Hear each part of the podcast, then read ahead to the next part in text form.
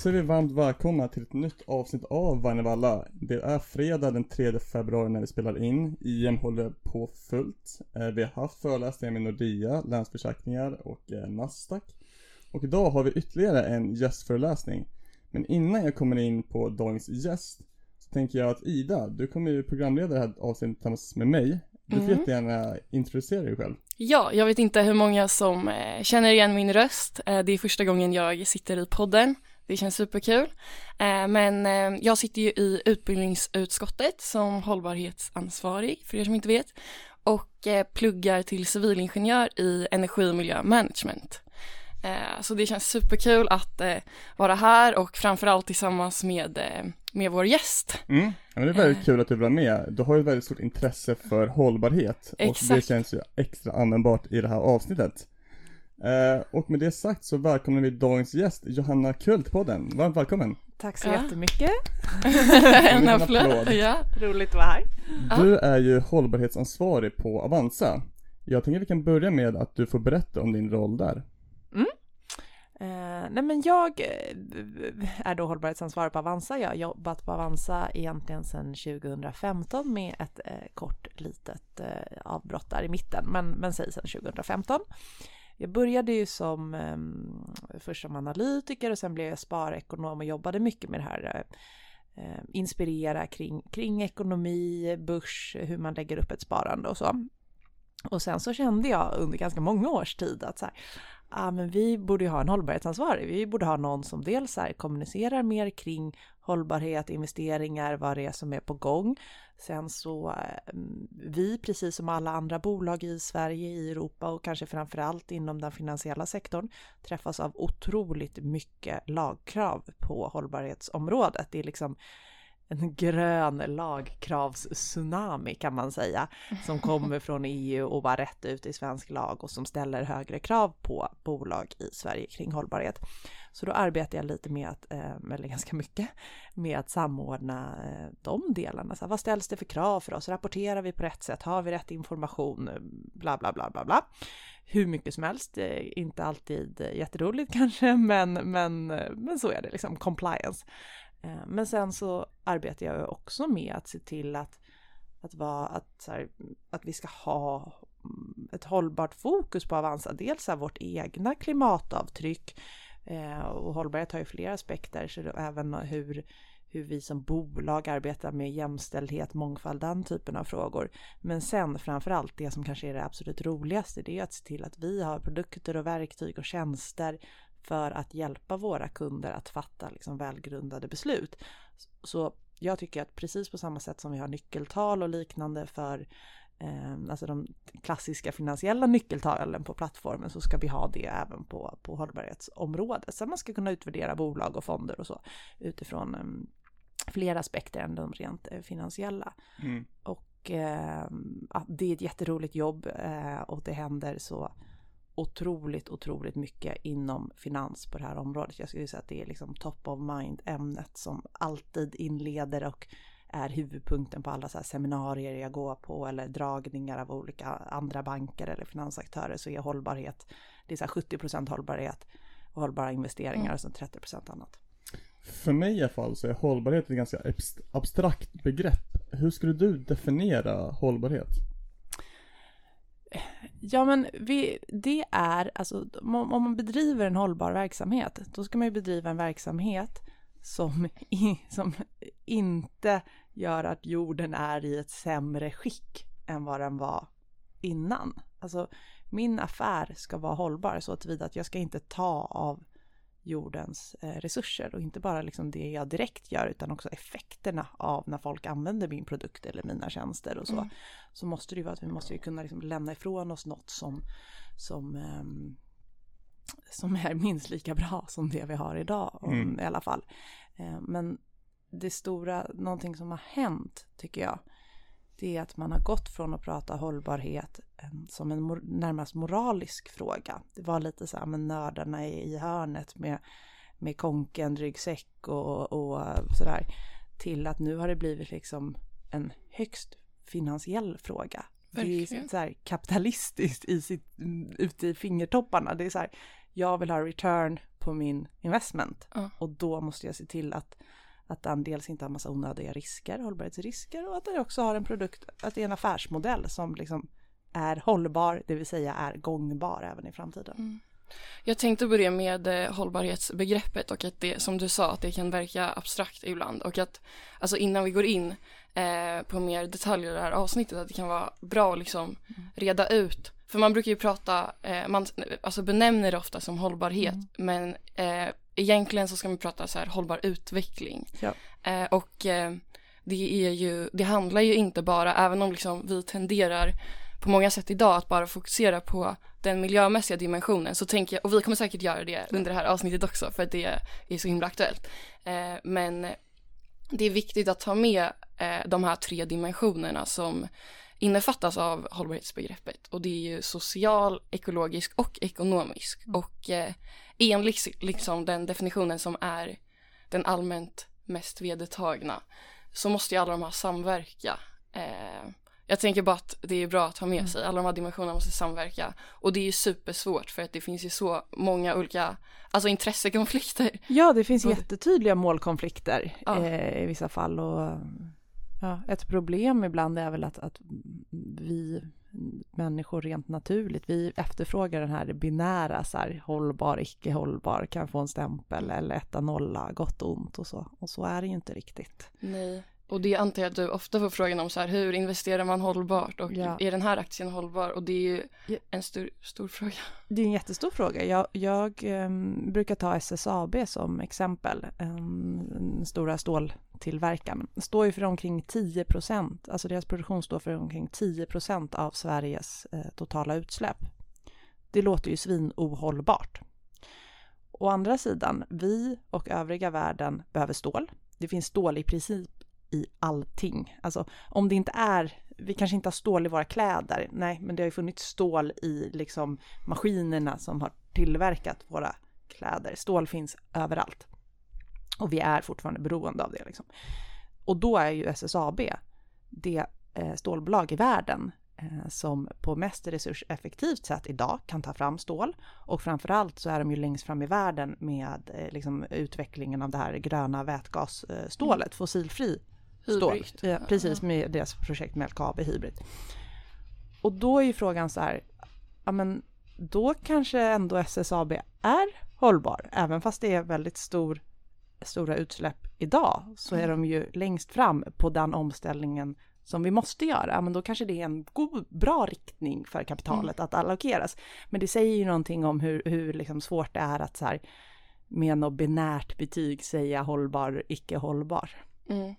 Men om man, är, om man tycker hållbarhet är en viktig aspekt, har du något tips på vad man ska kolla på när man, om man hittar en aktie som man tycker om? Är det någonting man ska titta extra noga på för att avgöra om aktien är hållbar?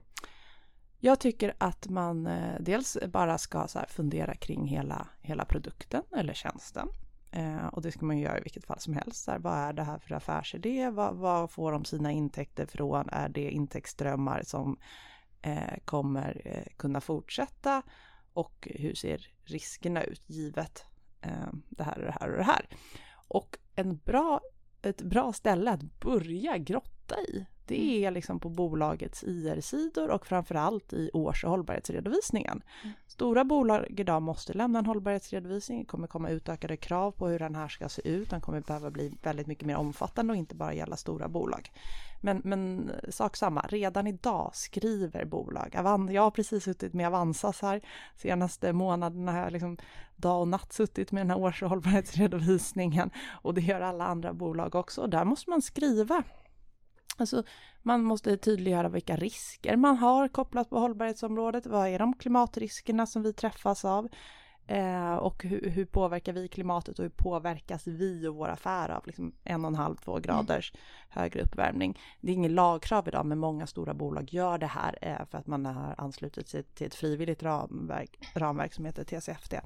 Eh, men så skriver man också i eh, hållbarhetsrapporteringen kring liksom hur man arbetar med de här frågorna, vad man tror om sina produkter. Alltså det är saker som, som tas upp och då kan man ju se så här att om ett bolag har tänkt till, om de har en, eh, hur de ser på frågorna, hur deras eh, affär linjerar med målen, vad de har för hållbarhetsmål och så vidare och så vidare. Sen handlar mycket om att så här, men öppna tidningen, lyssna på nyheterna, eh, vara med i omvärlden och försöka att så här, hitta vad är det för megatrender som styr och då då vet vi att det finns ett par stycken. Det är liksom den mm. gröna omställningen, det är eh, så. Mm. Men ja, jag tänkte på det där, eh, alltså inom investerarsfären idag. Mm. Eh, för att vi, ja, vi har ju också redan nu pratat mycket eh, klimatförändringar och så. Men ehm, märker man av ett, jag vet inte vad man ska säga, men koldioxidtunnelseende? Eller står liksom bolagen och investerare redo för till exempel de åtgärder som kommer krävas efter COP15 mm. nu senast och sådär?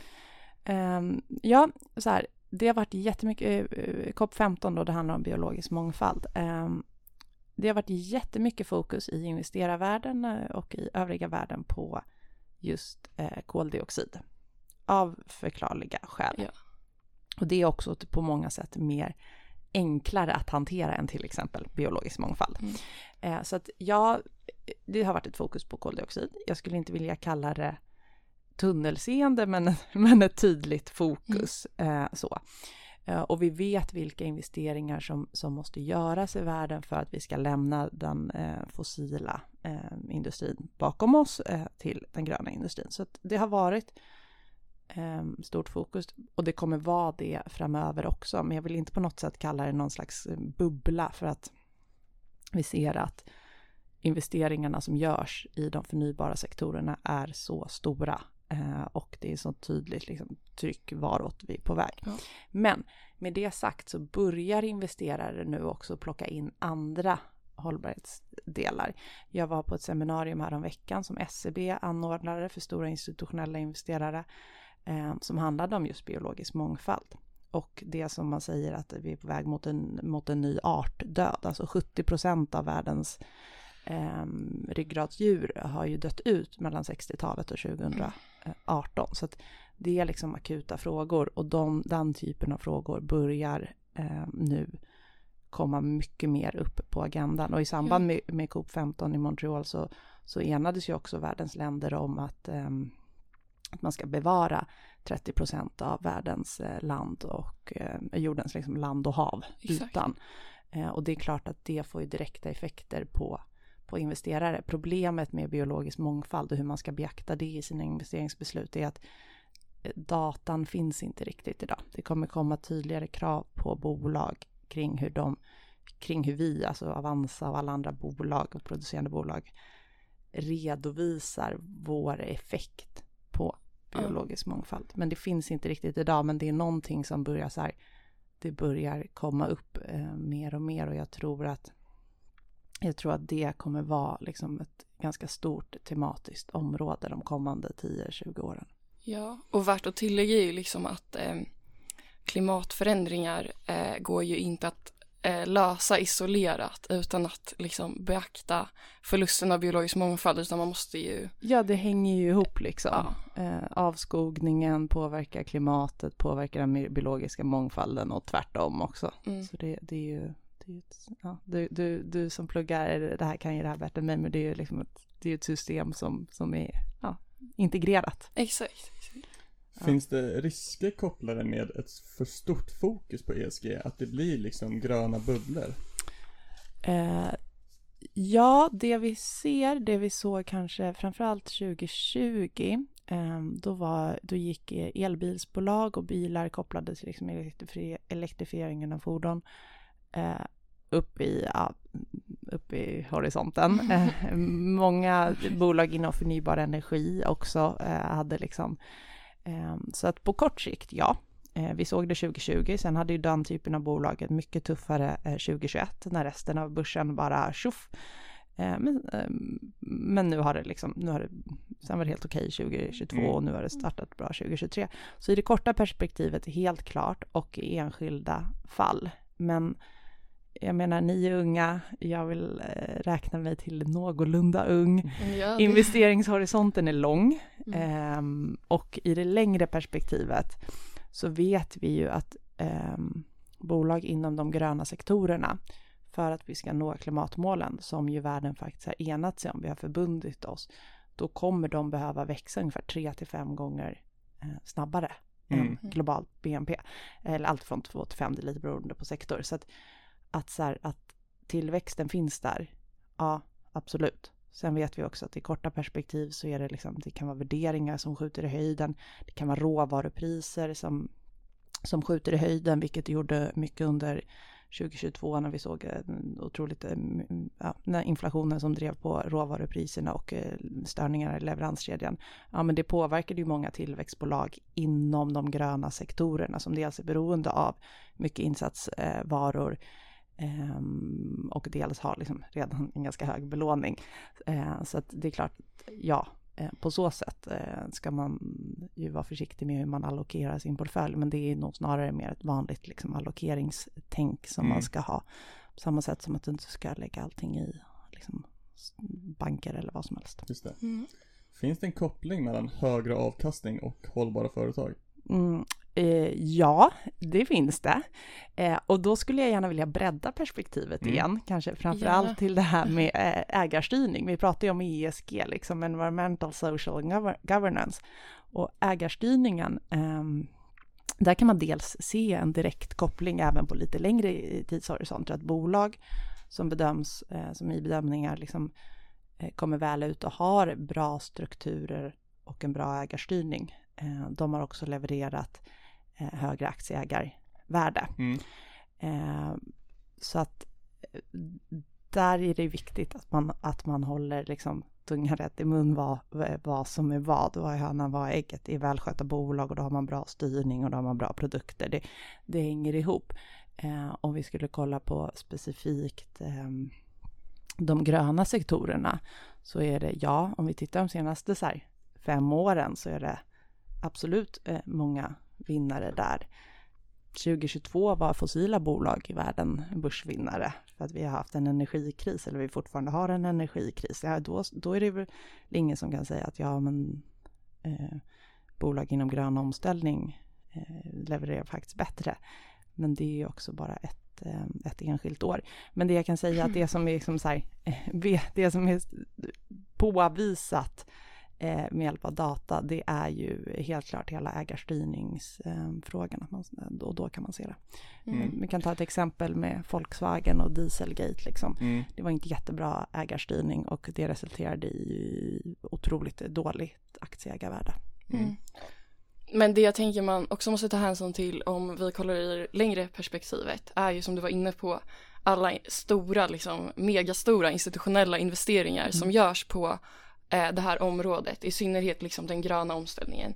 Eh, och nu senast då eh, Inflation Reduction Act, eh, som kanske borde heta Carbon Reduction Act, jag vet inte. Ja. Det är liksom 369 miljarder dollar direkt i klimatinvesteringar i USA då. Och nu har ju EU gått ut och svarat på, jag tror att det blev, det är inte helt Nej, det är klart. inte helt spikat, man kallar det Industry Act någonting. Ja, ja. men det, eh, en del av det paketet är ju liksom 250 miljarder euro i skattelättnader för eh, gröna industrier. Så, mm. eh, så att så här, oavsett eh, eh, så här, vad man tycker om en handelskonflikt, vilket såklart är negativt om det här skulle träffas upp och bli det, så kan man ju eh, som investerare Eh, eh, alltså det här är ju en tydlig indikator på framtida kapitalflöden på lång sikt. Så är det helt klart. Man kan verkligen luta sig tillbaka och vara ganska bekväm med att man, att man ehm, eh, följer med det stora kapitalet. För det ja. stora kapitalet går åt ett eh, väldigt eh, tydligt håll. Både det liksom eh, offentliga kapitalet så som är skattelättnader, olika stöd av olika slag i EU och USA Eh, men också liksom institutioner, eh, pensionsförvaltare och så, mm. har ju det här. Och det handlar jättemycket om att ett, minimera sina risker. Eh, alla vi som är intresserade av finans vet att risker, det, det vill man hålla på ett bare minimum. Eller man vill ta den risk man måste för att få en avkastning, men du vill inte ha några onödiga risker, vilket liksom hållbarhetsrisker helt klart mm. är. Eh, och så ser man ju så om man tittar runt hörn, ja men vad är på gång? EU håller precis på att utökat eh, de här ut, eh, utsläppshandelssystemet, så Mm. det kommer tajtas till, att fler sektorer kommer omfattas, man kommer liksom eh, det kommer bli eh, färre utsläppsrätter ute på marknaden så att säga. Vi ser hur fler och fler bolag sätter interna koldioxidskatter och koldioxidavgifter för att se till att liksom ehm, att man, att man ställer om. Eh, och vi ser de här politiska liksom, strömningarna så att då är det så här, men, och vi ser också ökade lagkrav. Det ska förbjudas eh, dieselbilar eller liksom bränslebilar, bränslecellsbilar och så vidare och så vidare. Ja, Mm. men vad, vad är vi på vad är vi på väg mot? Vi ska skydda mer natur och så. Ja, men det är ju, det är ju ditåt och vill Ja. jag investera mina pengar ditåt. Men jag har en liten följdfråga där. Som hållbarhetsansvarig då. Hur, eh, alltså hur informerar man eh, om riskerna som, eh, som kommer med att sitta då investerade i till exempel fossila bolag. Eh, men också de lättnader som kommer med om man har de här stora institutionerna i ryggen liksom. Ja men det är ju, det är ju svårt. Ehm, alltså jag skulle vilja säga så här. När det kommer till professionella investerare så är inte det här en issue längre. Nej. Det är liksom, det var det för tio år sedan. Nu, nu är det inte det.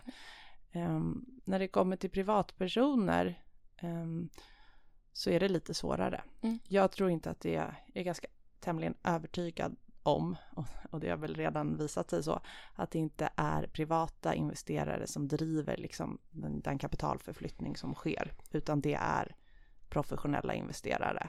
Och så kanske det, det kanske är rimligt att det är så i och med att om du ens tycker att, om du tycker att det är svårt att investera överlag, alltså du, du, du får lite ångest av hela tanken på att så här, sätta ihop en aktieportfölj eller fondportfölj eller vad det är. Mm. Och så kommer jag så ska jag lägga på ett till lager där och säga så här, men fundera på det här och det här och hållbarhetsrisker och så här, då, Mm. då, då zonar man ju ut. Mm. Eh, och det är nog lite där eh, vi är. Så att det som är liksom finansbranschens uppgift, fondförvaltare, banker, det är ju att se till att i de fonder som svenska folket sparar i eh, så är det liksom hela och re, alltså det, man ska ha en bra, en hög lägstanivå. Det ska vara en hygienfaktor. Mm. Och sen kanske inte eh, folk alltid behöver tänka på de här riskerna själva. Så här, Mm. Ni som är med i börsgruppen, vi, och vi som sätter ihop egna aktieportföljer och vill liksom mm, alfa och, och få Mm. överavkastning. Ja, men vi bör ju tänka på det. Ja. Precis som vi tänker på andra saker Mm. när vi väljer vad vi ska investera i. Eh, Mm. Men min mamma som liksom bara vill ha sitt månadssparande och sitt pensionssparande Mm. och att det ska sköta sig. Hon kanske inte ska behöva tänka på det här. Det kanske hennes bank, finansiella aktör ska liksom göra i de produkter som hon erbjuds så ska det vara en bra. Intressant. Mm. Men eh, vi har haft ett tufft börsår bakom oss. Vi har fortfarande en ganska hög inflation med stundande räntehöjningar. Hur bör man tänka nu framöver på börsen?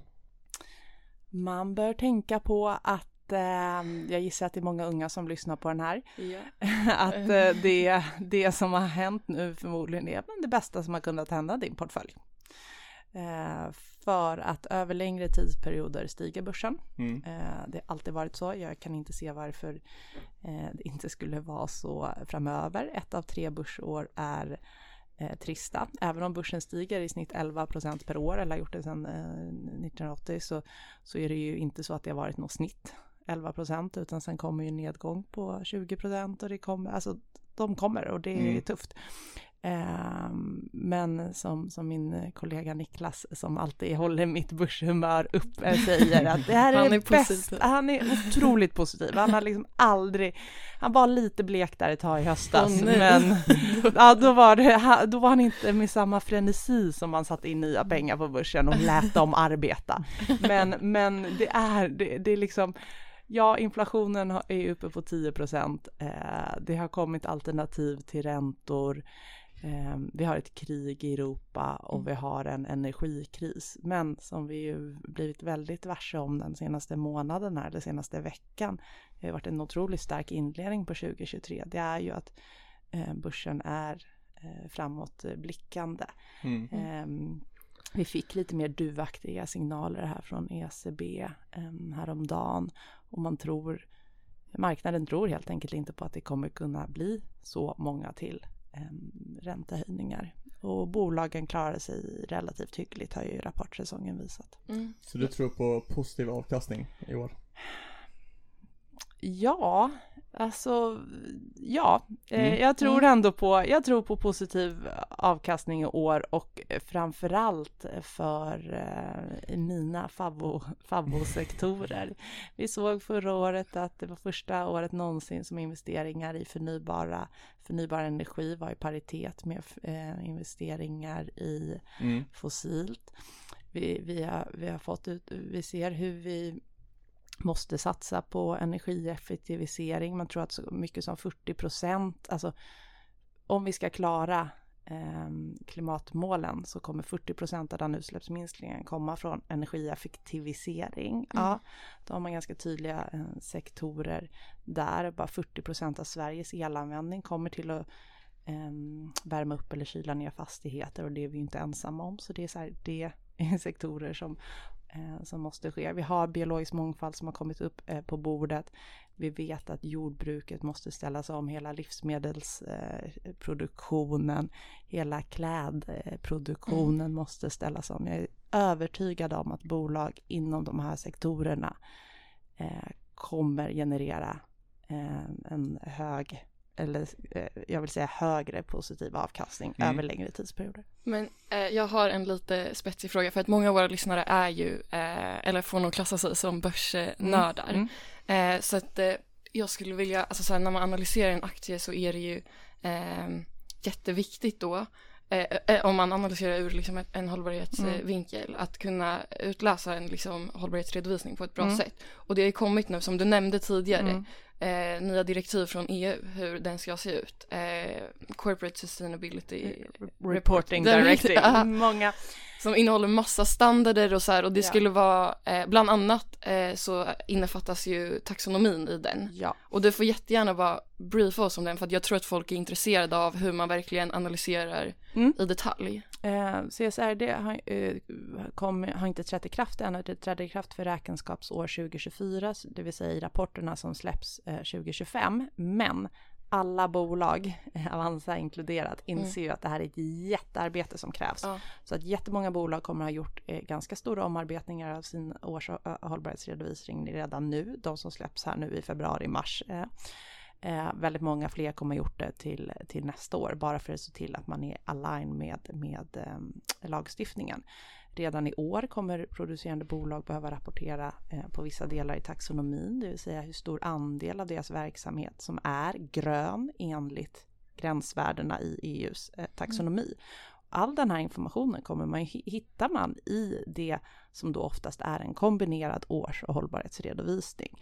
Slå upp den, ni kommer ha hållbarhetsredovisningar ofta relativt tidigt, man skriver mycket om det. Men titta på de här, titta, titta på taxonomirapporteringen. Hur stor andel är grön enligt taxonomin? Sen är inte det något idag som vi kan säga så här, som man ska utgå allt för mycket ifrån, men man kan få en ganska bra bild av hur bolaget verksamhet är genom att läsa den kvalitativa texten Mm. till den här eh, tabellen. Och sen så kommer bolaget eh, ha skrivit mer om sina direkta, sina indirekta utsläpp, sin påverkan på värdekedjan, på samhället man arbetar i och så.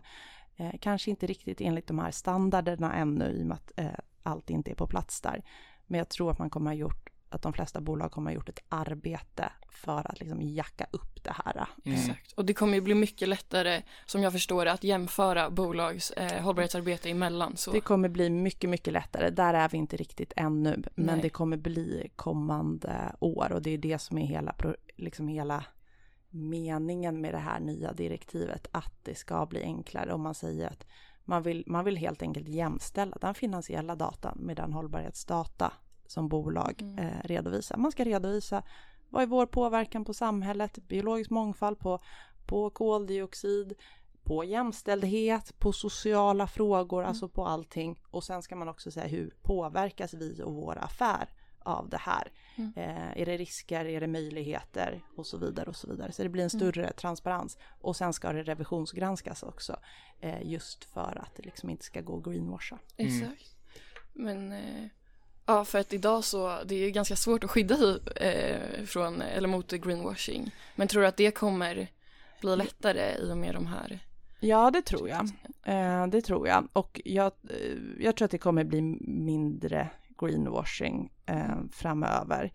Eh, vi ser ju nu eh, hur Arla har fått eh, benämna om, de får inte få kalla sin mjölk för, vad de nu sa, klimatneutral ja. eller netto noll och så. Så mm. det kommer mer på det området. Mm. I finansbranschen så kan jag säga så här, det kom en ny lagstiftning här om året som sa att man skulle klassa sina fonder som antingen tre kategorier. Ingen hållbarhetskategori eller ljusgröna artikel 8-fonder. Det är fonder som främjar hållbarhet och sen finns det en som man lite slappt kallar för mörkgrön kategori, fonder som har hållbarhet som mål. Mm. Vi såg i Sverige hur vi, vi förra året, alltså 90 procent av svenskt fondkapital ligger i den här ljusgröna. Mm. Fonder som främjar, det innebär att man har, man har någon form av man exkluderar lite fossilt, alltså man har en hållbarhetsstrategi och en tänk. Mm. Eh, så. Eh, ungefär 4 procent var det som låg i eh, fonder som har hållbarhet som mål, övergripande mm. mål. Det vi såg nu inför det här årsskiftet var att ungefär hälften av alla de fonder, eh, så det var ett 30-tal fonder som hade klassats som mörkgröna. Mm. De har klassificerats om nu, man har dragit ner det till mm. ljusgröna, så det är bara 15 stycken sådana här mörkgröna fonder kvar. Jag skulle inte säga att det är att man har försökt en fuling och greenwasha och så, eller, men men det, väldigt, det, har varit väldigt otydligt vad det innebär. När får man kalla sig mörkgrön? Att jag är en mm. mörkgrön fond. Det har varit väldigt otydligt. Mm. Nu har det blivit lite tydligare och då ser vi också hur fler bolag tar en lite mer försiktighetsprincip och säger så här, men då, då jackar vi ner vår klassificering. Ja, det. Och det är ändå positivt. Det känns som att det är tydlighet som eh, behövs. Ja, det är ju det som behövs. Eh, mm. Du var inne för på några sektorer man ska gå lång i i mm. år. Finns det några man ska undvika?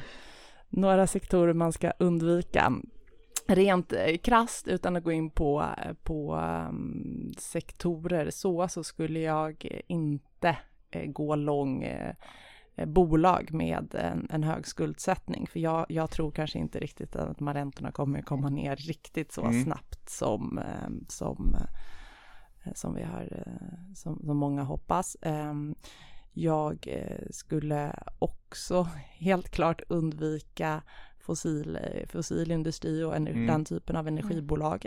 Trots att de var förra årets vinnare och trots att vi även i år kommer ha en um, energikris eh, så mm. är det ingenting som, som jag vill ha i min portfölj. Inte bara av den anledningen att jag inte vill ha det utan också för att även om de kommer ha liksom, bra försäljning även i år när hela världen eller när västvärlden undviker rysk eh, olja och gas så är det så starkt den här trenden som sker just nu mot omställningen mot förnybart. Så att så här, mm. när det vänder, det har redan kommit upp i paritet och sen helt plötsligt kommer det vara liksom iskallt. Eh, men exakt vilken månad det blir iskallt med fossilt eller liksom när investerare hajar det, det, det, det vet man inte. Så jag vill inte vara där och spekulera. Och något annat som är relevant där tänker jag är att så här, faktumet att naturresurser är ändliga. Mm. Så att utbudet är ju ändligt på ett sätt. Så att rent ekonomiskt så ja. bör ju priset stiga om man tänker jättelångsiktigt. Ja, ja, nej, det är precis. Så att så här, ehm, det, nej, eh, sen så Ja, vad ska man, jag, jag vill hellre prata om vad jag vill fortsätta gå lång. Ja, har du nu? Ja, men mer alltså, vi vet, ehm, till, vi vet att vi behöver råmaterial. Alltså mm. vi behöver eh, sällsynta jordartsmetaller eh, och mineraler för hela eh, omställningen. Vi har liksom Boliden med kopparn som, som krävs. Nu är LKAB statligt så det kan man inte investera i, men, men ändå alltså råvarubolag eh, inom västvärlden med en en, en schysst eh, utvinning. Det, det, finns alltid eh, Alltså det finns alltid målkonflikter, det finns ingen gruva som, är, eh, som inte har en inverkan på, på Nej. planeten. Nej, men, men framför, eller där är det ju, alltså Kina är ju mm. dominerande idag med kritiska ja. jordartsmetaller. Vi är helt att, beroende av en skurkstat eh, mm. för det som liksom utan arbetsrätt och så. Och jag är övertygad om att Sverige är bättre på att eh, utvinna det här. Exakt. Mm. Vilken tidshorisont ska man ha om man liksom vill börja spara i aktier? Ja, men du ska alltid ha minst tio år ska du ju ha. Tio år. Ja, mm. alltså så här, men, sen kanske du kommer göra förändringar i din portfölj innan, inom tio år, men uh, ha tio år. Mm. Ja. Men du nämnde Boliden. Mm. Men får du, nej, vi visste inte riktigt det, men får du nämna, får du ge? Nej, jag får Nej. inte, nej, och, och det, Det var inte, jag, precis, jag har ingen, det var mer, eh, det var inget aktietips, eh, jag får inte ge specifika aktietips, det var inget, eh, inget aktietips så, men, men liksom som ett exempel på bolag inom eh, det här. Eh, Men, eh, men eh, ja, det Mm. finns massa spännande bolag inom liksom cirkulär eller mm, mer hållbar textilframställning, Mm. eh, återvinning och så som jag Mm, eh, kikar på. Men eh, ditt sparande, är det i aktier eller kör du fonder eller kör du någon kombination av de två? Ja, men jag, jag, jag, jag brukar säga att jag, jag, jag brukar, eller brukade säga att jag har 50-50 aktier och fonder, men så är det nog inte. Jag har nog eh, 70% aktier skulle jag Mhm. nog säga, 80 kanske. Ja, jag är uppe på 95. Ja. Det, är roligare med aktier. Ja, det är ju det, det är ju det. Eh, så har jag lite fonder som hedge mot mig själv ibland. Eh, men annars är det ganska, en ganska tråkig aktieportfölj skulle jag säga. Jag har ganska mycket regler kring eh, när jag får köpa och sälja och vad jag får äga och eller sådär. eh, Så att, eh, Du- vill inte berätta lite om det? Min aktieportfölj? Eller- jag kan säga, jag kan säga Eller att- investeringsstrategi Ja. typ? Ja, nej men alltså jag gör väl ett to- to- totalfel i att den utgörs väldigt, alltså jag har en, en aktie som utgör alldeles för stor del eh, av min portfölj Ja. i, i Avanza, eh, som jag också får lön från, så att det blir, jag blir otroligt eh, ja, i, i händerna, eller vad man ska säga, mm, beroende av utvecklingen för Avanza. Mm. Ehm, sen så är det Investor, det är liksom de två, ehm, de två stora innehaven som utgör någon slags, och lite andra investmentbolag som utgör en grundstomme. Men sen så har jag ju mer och mer bara gått över, alltså bortsett från de här då som ändå väger tyngst, så går jag över till att försöka hitta bolag inom eh, specifikt den gröna omställningen Mm. Och cirkulär ekonomi. Mm. Och eh, det har varit väldigt lyckosamt hittills, vi får väl se. Ja. Eh, nej men du nämnde Avanza. Ja. På det spåret så läste jag lite statistik därifrån eh, som handlar om den här, lite mer om den sociala aspekten av Mm. hållbarhet. Som kan vara relevant att ta upp också. Och det är ju liksom att män sparar större eh, summor tidigare i livet. Eh, och eh, mer exakt då, så en kvinna i åldern 21 till 30 år eh, månadssparar i snitt 1754 kronor och en man i samma ålder månadssparar i snitt 2427 kronor. Nu blev det väldigt exakt. Eh, men eh, vad beror det här på och vad riskerar konsekvenserna att bli av ett icke jämställt sparande? Mm. Jag tror att det beror på eh, alltså många delar, men kanske framförallt eh, något, eh, ja, alltså intresse och hur vi pratar med, alltså det är inte så att föräldrar, jag har en dotter, och skulle jag ha en son också, det är inte så att jag skulle spara mer till honom eller mer eh, eller, och mindre till min dotter, men men någonstans eh, är det ju någonting som händer, om det är som föräldrar, samhället i stort som pratar mindre ekonomi och liksom investeringar med, eh, med flickor. Mm. Eh, måste det ju vara. Och, och det liksom hänger ju med, för vi ser ju alltså redan vid 16 års ålder att, att killar, pojkar liksom börjar investera eh, i högre grad och det är fler som blir medlemmar i Unga Aktiesparare och så vidare. Så exakt vad det beror på, det är ju svårt att säga, men det är ju någonting i samhället som liksom inte, ehm, som inte är helt ehm, bra. Mm. Och det får ju konsekvenser för att vi vet ju det att liksom egen, ett eget sparande, att komma igång med ett, med ett börssparande tidigt i livet, det är ju fantastiskt. Det ger oss fantastiska möjligheter längre fram med bostad, med eh, karriärval, alltså allting. Vi får en helt annan frihet. Och när det då eh, är förhållandevis färre eh, kvinnor som har gjort det tidigt så, så får det ju effekter på vår liksom, eh, förmögenhet senare i livet. Vi, vilket ju också späs på av att kvinnor eh, generellt sett har liksom lägre löner än män och är mer dominerade i yrken med lägre inkomst och så. så det är ju någonting som vi får lite hemläxa på. Att så här, hur, hur gör vi på Avanza för Mm. att också få eh, unga kvinnor att eh, förstå vikten av de här frågorna. Hur Det är, någonting, det är någonting vi har gjort fel. Ja. ja, hur gör Hur vi? gör nu? Nej men nu, dels eh, har vi just eh, startat upp ett, ett råd tillsammans med många olika branschkollegor för att ta, få fram mer eh, data över alla bolag, alltså hur, samlad data, aggregerad mm. data på de här frågorna och sen försöka ha några gemensamma liksom, eh, ja, angreppssätt eh, mot det här. Vi på Avanza, vi har startat upp en, vi har börjat ha um, digitala föreläsningar som de är öppna för alla men de kanske riktar sig mer mot, eh, mot unga kvinnor. Eh, vi jobbar mycket med när vi rekryterar att försöka få en, en, en bra mix så vi har tydliga KPI och mål eh, på det. Men eh, ja, det är svårt. Mm. Mm. Verkligen. Jag ser nu att eh, tiden springer iväg, mm. så tänker vi avsluta med en sista fråga. Eh, hur kan man som investerare och kan man framtida kapitalförvaltare bli bättre på hållbarhet? Vilka kunskaper kommer krävas i framtiden? Jag tror att eh, det är jättebra att ha rent eh, konkreta eh, kunskaper kring vad det är som eh, behöver göras. Alltså det man lite så här slafsigt kan kalla ingenjörskunskaper då. Mm. Eh, men bara en medvetenhet och eh, förståen, förståelse för det.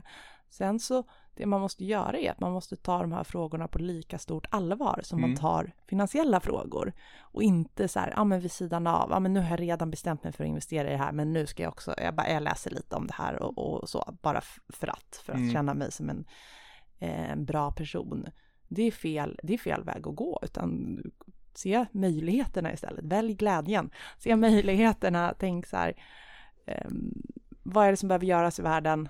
Vilka bolag har svaret eh, på det? Mm. Och det handlar väldigt mycket om så här medvetenhet och att man också kanske drar ut dragspelet lite eh, och inte bara titta på, på liksom vad kommer försäljningen av det här bolaget vara ett år från nu, utan snarare tio. Ja. Mm. Och sen så viktigt att framhålla också så här eh, fördelen eh, liksom avkastningsmässigt mm. eh, med att ligga i framkant eh, i hållbarhetsfrågorna och liksom hela tiden uppdatera sig och det kan man göra jättelätt mm. genom att läsa liksom nyheter och, eh, och spetsa ja. sig själv. Så. Mm. Ja. Inflation Reduction Act är ett perfekt exempel på det. Alltså världens största klimatpaket, ja. det största USAs historia, galet mycket pengar. Det är klart som korvspat att det också får effekt på bolag inom mm. de sektorerna. Mm. Och på den noten tror jag vi avslutar. Tack så jättemycket ja, för att du kom och Tack så jättemycket. På återseende. Ja.